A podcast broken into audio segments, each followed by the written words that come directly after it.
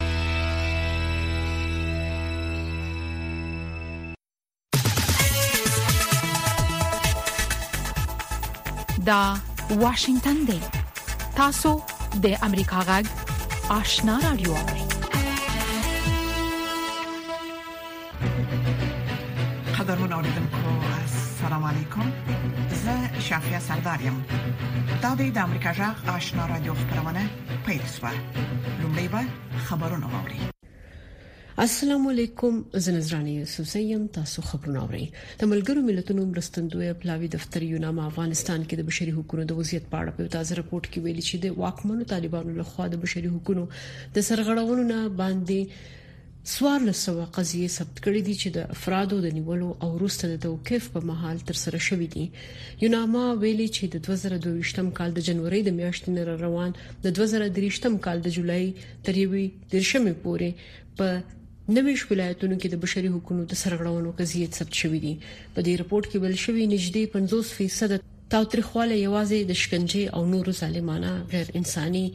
یا سپکاوي وړ چلند یا سزا اړوند کړنې جوړوي. دغه پېښې په عمده توګه د واکمنو چارواکو، د کورنیو چارو وزارت او د طالبانو د استخباراتو د عمومي ریاست تر واک لاندې توقیف ځایونو کې د نیولو او د توقیف په جریان کې په پراخه کچه ترسره شوې دي. په ډېرو کمو مواردو کې د واکمنو چارواکو د زندانونو د ادارې تر واک لاندې زندانونو کې هم ورته پېښې مستندې شوې دي. اروپايي ټولنې د چهارشنبې په ورځ په یو اعلامیه کې د افغانستان سره او په ځانګړي توګه افغان میرمنو او جنو سره د یو سل سلويختو میلیونو یورو مرستو خبر ورکړی دی د افغانستان سره د اورپای ټولنې بشري مرستې د 2022م کال په دسمبر میاشت کې روسته له هغه وزن ډولې شوې چې طالبانو د ملګرو ملتونو په ګډون په دولتي او غیر دولتي ادارو کې د ښځو او جنو په کار کولو بندیز وضع کوم خو اروپایي کمیسیون د وضعیت له شپږ میاشتنې ارزونې وروسته ویلي چې د دغو مرستو د ورکړې پریکړه یې ځکه کړې چې د یاد کمیسیون په وینا دا ډاډ او تضمین شته چې دا مرستې به افغان میرمنو او جنو ته ورسیږي د اروپایي ټولنې په خبرپاڼه کې هم دا راز راغلي چې دا مرستې به په افغانستان کې د ملګرو ملتونو د ادارو نړیوال بانک او نړیوالو غیر دولتي موسسو لارې په اړمنو کسانو وویشل شي د متحده ایالاتو ولسمشر جو بایدن د واشنگټن پام د منځنۍ اسیا په لور اړولې او هڅه کوي چې د روسیې او چین سره په پوله په وچه کې غیر سیمه هوادونو سره اړیکې پیاوړې کړي هغه سیمه چې لویدیزي د اوګدې مودې راهیسي لپاره په ورزولو تورن دی ولسمشر بایدن د ملګرو ملتونو د عمومي غونډې په څنډه کې د قزاقستان، کرغستان، تاجکستان، ترکمنستان او ازبکستان د مشرانو سره وکتل. د پخوانی شوروي جمهوریتونو له روسیې سره دوامدار امنیتي اړیکې لري او د چین سره اقتصادي او ډیپلوماټیکو اړیکو ته وده ورکوي. دا هیوادونه د ریښمو د لارې د عصري ټاټوبي په توګه ستر کلتوري او تاریخي اهمیت لري. د یوریشیا د دغې سوداګریزې لارې لرغونې شبکې د 1500 کلونو لپاره ختیځ او لویدیځ سره نښلولې وو په ترکیه کې حکومت د دغه هواد په وان ښار کې د هغه کډوالو لپاره هدیري ځانګړي کړې دي چې اروپا ته په لار مړ کیږي د وان ښار په سند کې په دغه دوه هدیرو کې د قبرونو په ډبرو باندې د نمونو په ځای د مړو شوو کډوالو د پیژندنې شمیرې لیکل شوې دي په سیمه کې د کډوالو د چارو فعالان وایي په دې هدیرو کې په سلګونه هغه کډوال خختي چې مړی د ترکیه پولیسو موندلې دي فعالانو اندېښنه خوولې چې د ترکیه نه اورپا ته په لار د مړو شو کډوالو اصلي شمیره خای تر دې ډیر زیات وي روسته له هغه چې آذربایجان په ناګورنو قرباغ کې د ترګری ضد عملیات پیل کړل د دغه اکثریت ارمنی میشتي سیمه چارواکو د چهارشنبې په ورځ د روسیې د سولساتو ځواکونو په منځګړتوب په اوربند موافقه وکړه د عملیات د سو میاشتو تاوتریخوالي او په قره باغ کې د ماين په چاودنه کې د شپږو آذربایجانیانو لوجل کېدو سو ته سات روسته پیل شول باکو د دې پیښې پړه په ارمنستاني بلتون غوښتونکو اچوي او په انډونیزیا کې یوې محکمې هغه مسلمانه خزه په دوو کلونو بند محکومه کړه چې د ټیک ټاک په یو ویډیو کې د خنزیر د غوښې له خوړلو وړاندې بسم الله الرحمن الرحیم ویلي د لینا مکرجی په نوم د دغه درې دیرش کلنې میرمنې دا ویډیو په ټیک ټاک کې ډیره مشهوره شوې او په انډونیزیا کې سخت خبرګونونه راپارولي وو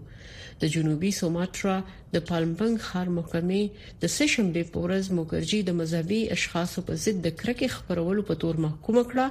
او باغې دوه سوه پنځوس میلیونه اندونیزیایي روپۍ جریمه هم کېښودله. اسلام په اندونیزیا کې تر ټولو پراخ دین دی او د خنزیر د غوښې خوړل په اسلام کې حرام دي. قدرمن اوریدونکو دا خبرونه خبرونه مو د امریکا جغ آشنا رادیو څخه واوریدل قدرمن اوریدونکو زموږ په دې سهارنۍ پښتو خبرونه کې د افغانستان سیمه او نړۍ د اوسنوي حالات په اړه کې مهم مطالب لرو هله د خبرونه تر پای واوري لومړی به دا رپورت واوري چې د طالبانو د کلو بیا رغونې او پراختیا وزارت د واخان ولسوالۍ د کوچني پامیر څخه د چین تر سرحد پورې نږدې 50 کیلومترو سړک د جوړولو کار بیرته پیل کړی دی. ټاکل شوې دا سړک به د یو کال په موده کې جوړ او په لومړي ځل به د افغانستان او چین ترمنځ د ځمکې له لارې تګ راتګ ته زمینه برابره شي. نور حال زموږ د خبريال اکرام شینواري په رپورت کې واوري د بدخشان ولایت د واخان ولسوالۍ د کوچني پامیر د بازای ګنبد څخه د چین هیواد تر سرحد پورې د 9.1 کیلومتر د نوي سرک د جوړولو او د جغل اچولو کار د دوشنبه په ورځ پیل شوی دی د حریت په نوم د یوې سیمه ییزې رادیو د راپور لمخې د نوي سرک د جوړولو د کار پرانیستو غونډې ته د طالبانو د حکومت د کلو د بیا رغونې او پراختیا وزارت سرپرست ملا محمد یونس اخوند په وینا کې ویل چې دوه کاله وروسته به دا لار د چین او افغانستان ترمنځ په یو سوداګریزه لاره بدله شي د فامیر په هغه څوکو کې چې د دنیا بام ورته وایي د هغه ولس دی چې د هر څه څخه محروم نن الحمدلله دلته هغه څړک شروع دی هغه پروژه چې دا به د چین تر سرحده پورې رسیږي امید دی چې دغه پروژه چې اوس په جغل اندازي حیث باندې روانه ده یو کال دوه کال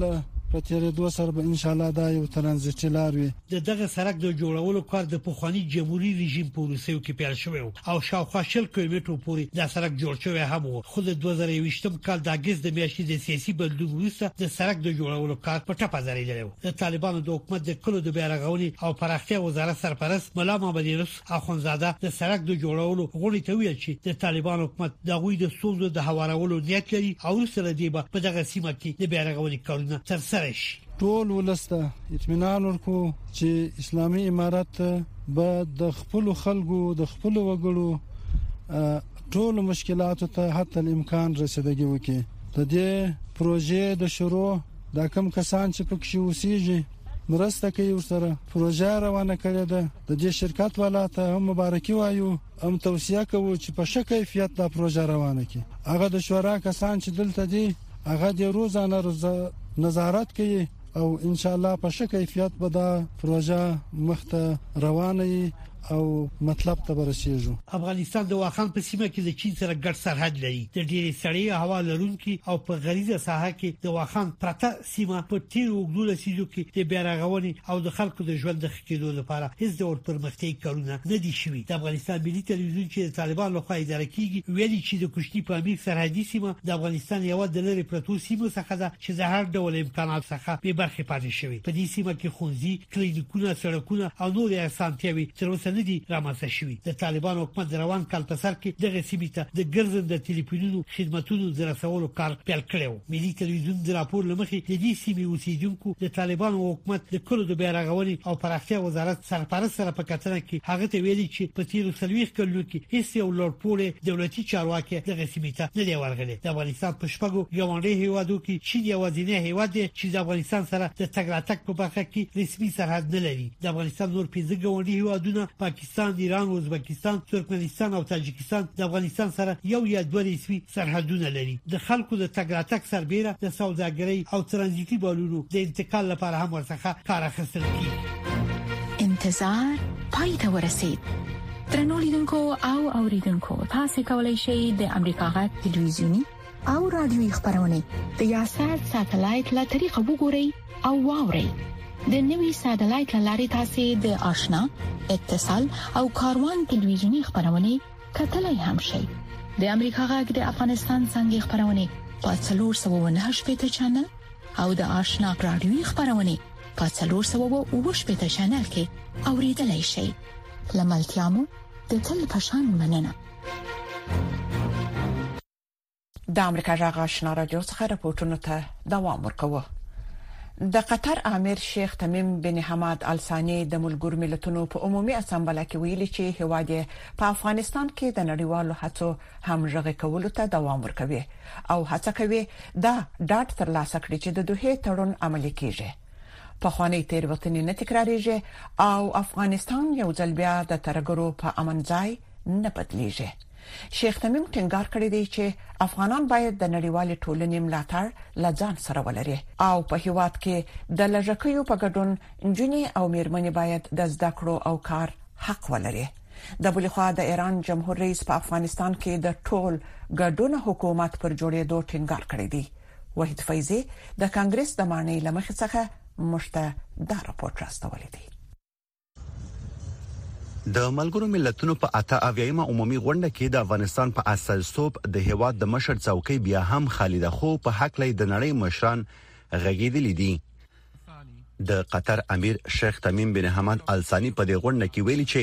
هیواد هڅه کوي دا ډاډ ترلاسه کړي چې د دوه تړون عملي کیږي په خواني تیروتنې نه تکرارېږي او افغانستان یو ځل بیا د ترهګرو په امن ځای نه بدليږي وفيما يخص الوضع في افغانستان په افغانستان کې د وضعیت په اړه موږ د نړیوالو هڅو همغږي کولو د ملګرو ملتونو سره د خبرو لپاره د اسانتیاو د برابرولو او د هیوادونو د اندېښنو په اړه هڅو ته دوام ورکوو د افغانستان لنډمهاله حکومت سربېره موږ دا ډاډ ترلاسه کوو چې د دوه تړون پلی کیږي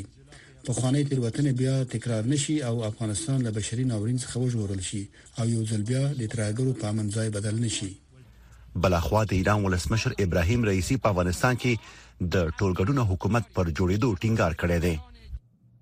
وضعیت امروز افغانستان نمودی دیگر از آثار مداخله غرب در منطقه است که به کشتار بیش از 170 هزار تن از زنان و مردان و کودکان انجامید در افغانستان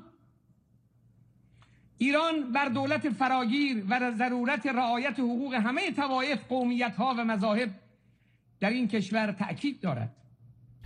د ترکیه ولسمشر رجب طیب اردوغان د ملګرو ملتونو په عمومي اسمبلۍ کې د افغانستان د خلکو د بد وضعیت په اړه اندېښنه وښوده. Yarım asırdır zor günler yaşayan Afgan halkının د افغانستان خلک چې له نیمې پیړۍ راهیسې په سخت وضعیت کې ژوند کوي، بشري مرستو او سخت ملاتړ ته اړتیا لري.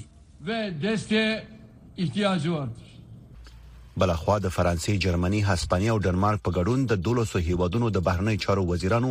په یوه ګډه اعلامیه کې په افغانستان کې د ښځو پر وړاندې د ځورونې په سیستماتیکې بڼې بدلیدو باندې ژوره اندېښنه خوده او ویلي دي چې کې د شي د طالبانو د اقدامات د بشریت پر وړاندې د جنسي ځورونې په جنایتو باندې بدل شي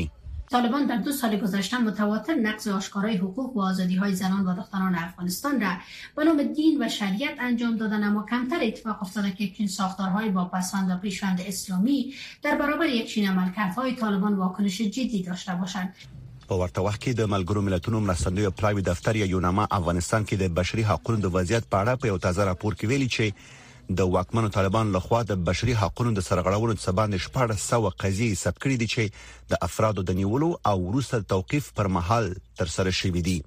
یوناما ویلي چې د 2022م کال د جنوري میاشتې څخه د روان 2023م کال د جولای تر 11مې ورځې پورې په نهشت ولایتونو کې د بشري حقوقو د سرغړونو قضیې ثبت کړې دي د طالبانو حکومت تر اوسه د یوناما دغه نوي راپور ته خبرګون نه دی خوده له خوتلې دا ډول راپورونه رد کړی دي وحید فیضی د امریکا غږ متضاد اړخونه بیلابیل دریزونه د سپیناوي تود مخامخ بحث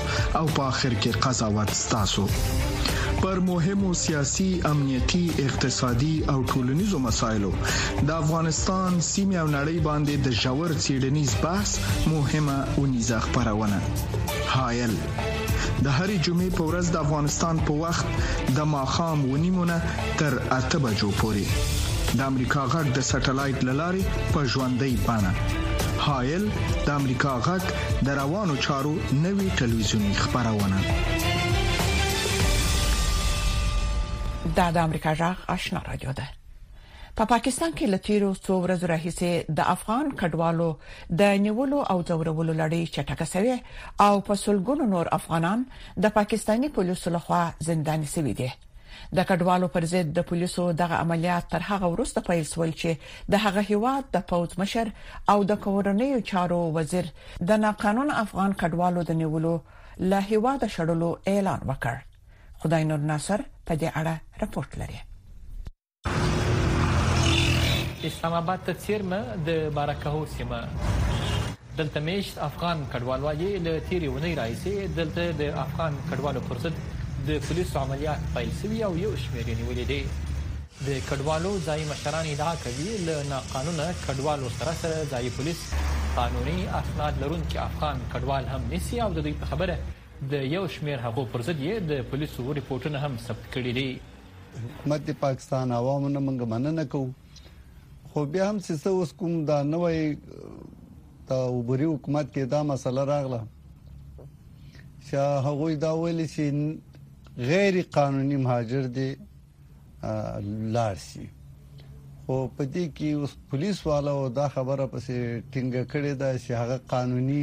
اسناد لري لکه پیوار کارت ایسی سی کارت حد اکثره هم په خبرېږم چې چا سره ویزي دی هغه ویزي خو د غوټیم ختم شوی دا هغه خلګم پکې نشي پتنګي د کډوالو دغه مشر زیاتوي د پاکستان حکومت ک نه قانون افغانان هم پسې اخلینو باید دومره وخت ورکړي چې د په خبره ل دې ځای خپل کاروبار سره ټول کړي نو مهاجرون خو دلته ډیر کارونه لري ناصر صاحب کاروبارونه لري که دوی غیر قانوني هم او د دوی کاروبار زیات کاروباري دي نو یو کاروباري مهاجر په یو میاس دوه میاسو کې تلای نشي حکومت د پاکستان پاکستان ته موږ د اپیل کوو چې کم له کم شپږ میاشتې ټیم ورته ورکي مهاجرین کوم غیر قانوني دي هغه بلار خپل وطن ته وایي د دې لپاره نشي که څوک زیات پیسې ورکړي بیا هغه یې لکه یې که کم پیسې ورکړي نو وس نشته تر دې وړاندې د کراچۍ په شمول د پاکستان په ګڼو نورو سیمو کې هم تر هغه وروسته پاکستاني پولیسو عملیات پیل کړل چې د یاد هیواد د کورنیو چارو وزیر سرفراز بکټي د ناقانونه کډوالو د نیولو او خپل وطن ته د لیږدولو اعلان وکړ جتنے بھی الیگل امیگرنٹس ہیں چاہے وہ کسی بھی ملک کے ہیں ان کو ہم इस वार्निंग के साथ अब हमारे मुल्क में आ, रहना जो है वो जिस तरह बाकी ममालिक में इलीगल लोग नहीं रह सकते इस तरह हमारा मुल्क भी आ, हम अपने आ, लीगल जो लोग हैं उनको एक्सेप्ट करेगा इलीगल इमिग्रेंट्स जो हैं वो जहाँ के भी हैं उनको आ, आ, उनकी रिपेट्रेशन की जाएगी उनको वापस भेजा जाएगा سره له دې چې په پاکستان کې په بېل بېل وختونو کې بېلابېلو حکومتونو د افغان کډوالو پر ضد وخت ناوخته ورته عملیات پیل کړي خو دغه وروستي عملیات د روانې میاشتې تر شپږمې نیټې وروسته پیل شول چې په همهغه ورځ په چترال کې د پاکستاني طالبانو برید او ورپسې په تورخم کې د افغان او پاکستاني ځواکونو ترمنځ نښته وسوه. خدای نور ناصر امریکا جغ اسلام آباد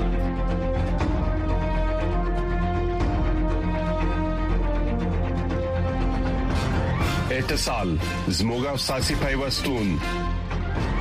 خبرونه چیرنی او خبرګونونه موثق معلومات او دقیق جزئیات کورنۍ نړیوالې او سیمې یې مسلې چې د عام خلکو پر ژوند غیز لري ستاسو پوښتنې د چارواکو ځوابونه او د پوهانو سپارښتنې لې یک شنبه تر پنځ شنبه هر مخام په شپږ بجو او دې شو دقیقو له واشنگټن څخه پر ژوندې بڼه د سټلایټ ټلویزیون او ټولنیزو شبکو لاري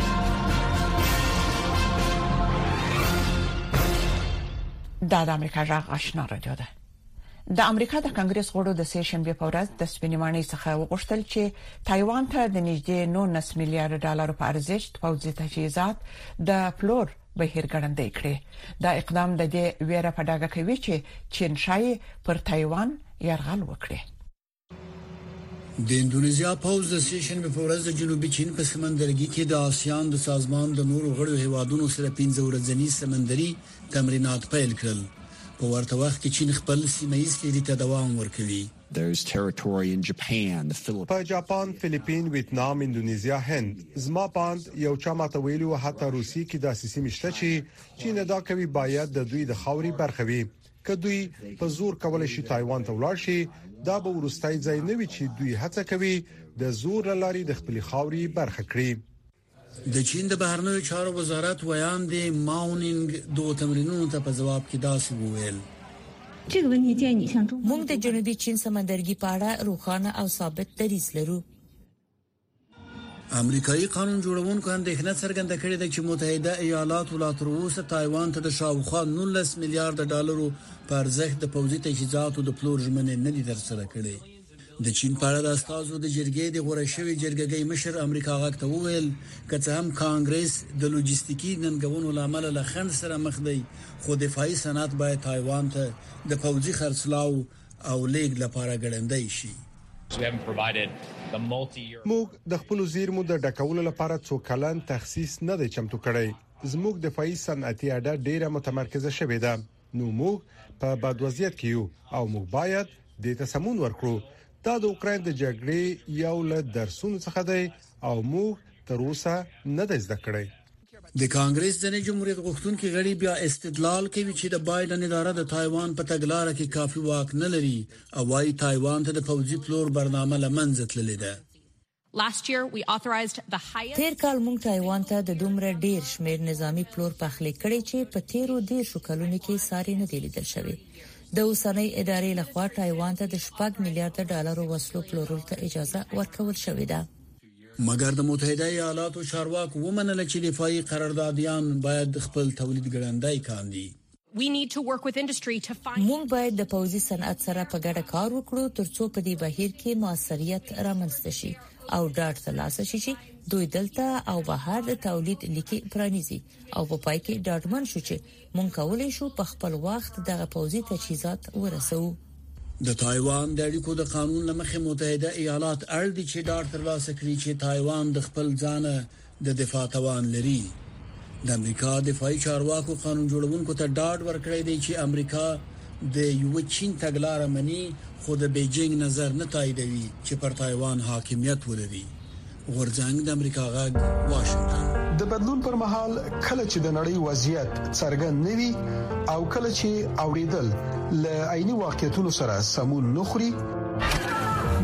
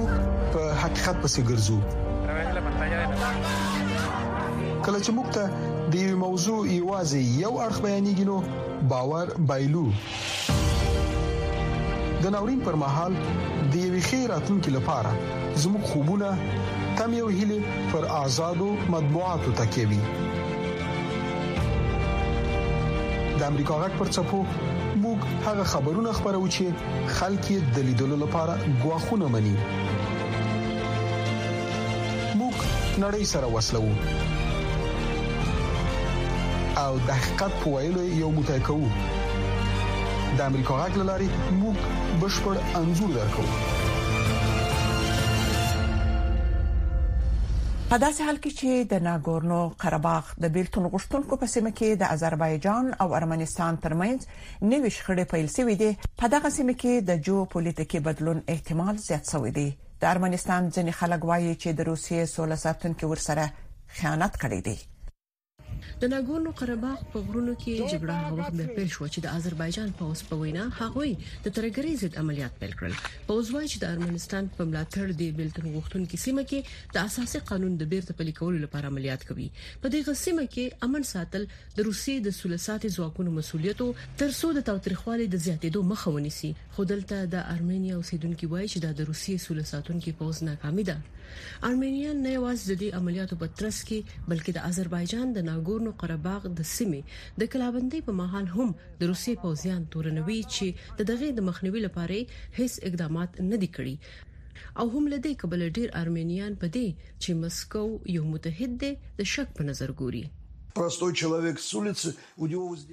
که روسیه زموږ متحده وي، که دوی زموږ سره مرستې ته ژمن وي، که دوی د سولې ساتنې د سازمانونو غړي وي، د ټولنیز امنیت د تړون د سازمان غړي وي، نو ولې دوی په دې کار کې پاتې راغلي؟ د یریوان او مسکو ترمنځ اړیکې په تاریخي توګه ښې پاتې شوې دي او څارونکو ارمنستان د روسیې په مشرۍ د پوځي اتحاد یوه اصلي برخه ګڼي، خو د ارمنستان اوسنی مشرتابه د کرملین سره یو پیچلی توازن ساتلی دی او څو ځلې ګواښونه کړي چې د روسیې نه به وځي او لویدیځ ته به نږدې شي د نو شخړو د پیل نه لږ مخکې د ارمنستان د پارلمان د بهرنیو اړیکو د کمیټې رئیس سرګیس خاندانیان د امریکا غږ ته د اوسنۍ بې باورۍ لاملونه تشریح کړل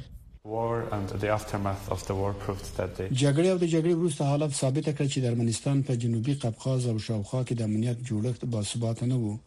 او دا هم ثابت نه کړه چې دا د ارمنستان امنیت نشي ساتلی او همدا اوس زه به وایم چې د ارمنستان وازنی امنیت ساتونکي د ارمنستان جمهوریت وسلوال پوز دی خو د ارمنستان محافظه کار اپوزیشن اوسنۍ شخړې د اوسنۍ مشرتابه ناکامي ګڼي او وایي چې مشرتابه یو روخانه دریز نه دی غوړه کړي او دا د هواد لپاره خطرناک دی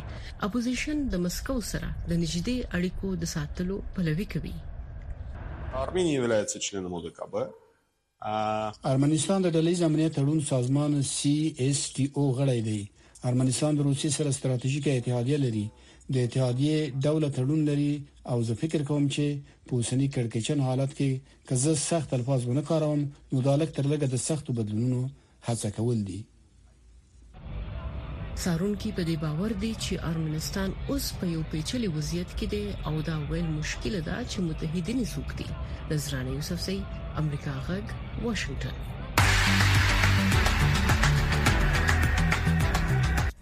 او دا هم د پولیو په اړه راپورټ دیني عالمان وایي د ګوزن واکسین د تطبیق په وړاندې منفي تبلیغ کوونکي خلک د ناسم پوهاوی ښکار ګرځیدلي دي او په دې برخه کې له علمي تحقیق پرته نور خلک هم تر اغیزې لاندې راوستل شي. عالمان وايي همدا ناسم تبلیغات چې د معلوماتو د نشوالي له امله رامنځته کیږي د یو شمیر خلکو باورونه خراب کړي دي چې بیا خپل ماشومان د پولیو په وړاندې نه واکسینوي. نور تفصیل په رپورت کې واوري. د افغانستان په سویل ختیځ کې یو شمېر دیني عالمان وایي چې د پولیو په تړاو د ځینو وګړو ناسم پوهاوی په ټولنه کې د دې وایروس د موجودیت دوام ته زمینه برابروي. مفتي احسان الحق حنفي په دې ډاډمن دی چې ګویا منفي تبلیغ کوونکي وګړي په خپله هم د ناسم پوهاوي ښکار ګرځېدلي دي. د ښاغلي حنفي په وینا هغه کسان چې د پولیو په موضوعاتو کې مخالفت کوي هغوی دیني عالمان او د طب متخصصین نه دي. دا سمه ده چې په ځینو خلکو کې یو تعداد شکوک او شبهات شته، خو دا د هغوی د ناپوهتیا او له دغې موضوع سره د نابلدتیا وجه ده، ځکه هغه څوک چې مخالفت کوي، نه هغه دیني علما دي او نه هغوی د طب متخصص ډاکټران دي، که په علماوو کې هم ځینې خلک خلک د دې مخالفت کوي نو زه په دې باندې کاملا باور لرم او ډاډ لرم چې هغوی د دې موضوع نه ناخبره دي. نوموړی له دا ډول اشخاصو غواړي چې له علمي تحقیقاتو او مطالعې پرته د پولیو وایروس په هکله د حرمت بحث ایجاد نه کړي ترڅو په ټولنه کې د دې معلولونکي وایروس د ودې مخنیوی شوی وي. زما هیله دا ده او غوښتنه مې له دوی څخه دا ده چې هغوی باید په دې حقله باندې ژوره او قوي مطالعه وکړي ځکه دا د حل او د حرمت بحث اکثر علما مې ستر اچوي نو نامناسب ده چې یو دینی عالم هغه د دغه موضوع په اړه باندې پوره معلومات ونه لري او بدون له معلوماتو په یو شی باندې د حرمت فتوا ورکړي د دې ترڅنګ هم خلک وخت نه وخت د منفي تبلیغاتو تر سیوري لاندې خپل کوچنیانو ته د څاڅکو لور کولو هم انکار شوي دي شاهد د خوست موساخېلو ولسوالۍ هغه اوسېدونکی دی چې کلونه یې د کور واړه ماشومان د پولیو له څاڅکو ساتل، خو بالاخره یې سم لوری وموند او بیا یې کله هم د کور ماشومان د واکسین له تطبیق را ونه ګرځول. شاهد خپله کیسه امریکا غږ ته داسې وکړه. واقعیت دا دی چې میږ ولسوالۍ، میږ کلی ډېر لرې دي، دغه پوښښ ساحې نه پورتې خلک دي، موږ خپله دغه ته ژمن وو چې موږ به ماشومانو ته واکسین ورکړو، نو اوس چې کله موږ دغه په ارزښت پوه شو، ځان سره مو دا وعده وکړه چې موږ ماشومانې واکسینونه نه پرېږدو، اوس چې څرې واکسین ولات چې موږ ته تور وو، خپله وعدانې کلاک ویلوړ یو، واکسین او تطبیق یې موږ پوره ډېر ګټوار دی، موږ یې پرېږدو نه انشاالله. د افغانستان غريزې سيمې د شاهد غوندې سلګونه داسې کيسې نورې هم لري، هغه چې د رسنيو له سترګو پناه دي اوس هم د بېلابېلو افواهاتو تر اغېز لاندې ژوند تېروي او کمکیو ماشومانو ته یې ګوزڼ ویروس د یوه لوی خطر په توګه متوجه دی. منیر بهار، امریکا غږ، خوست.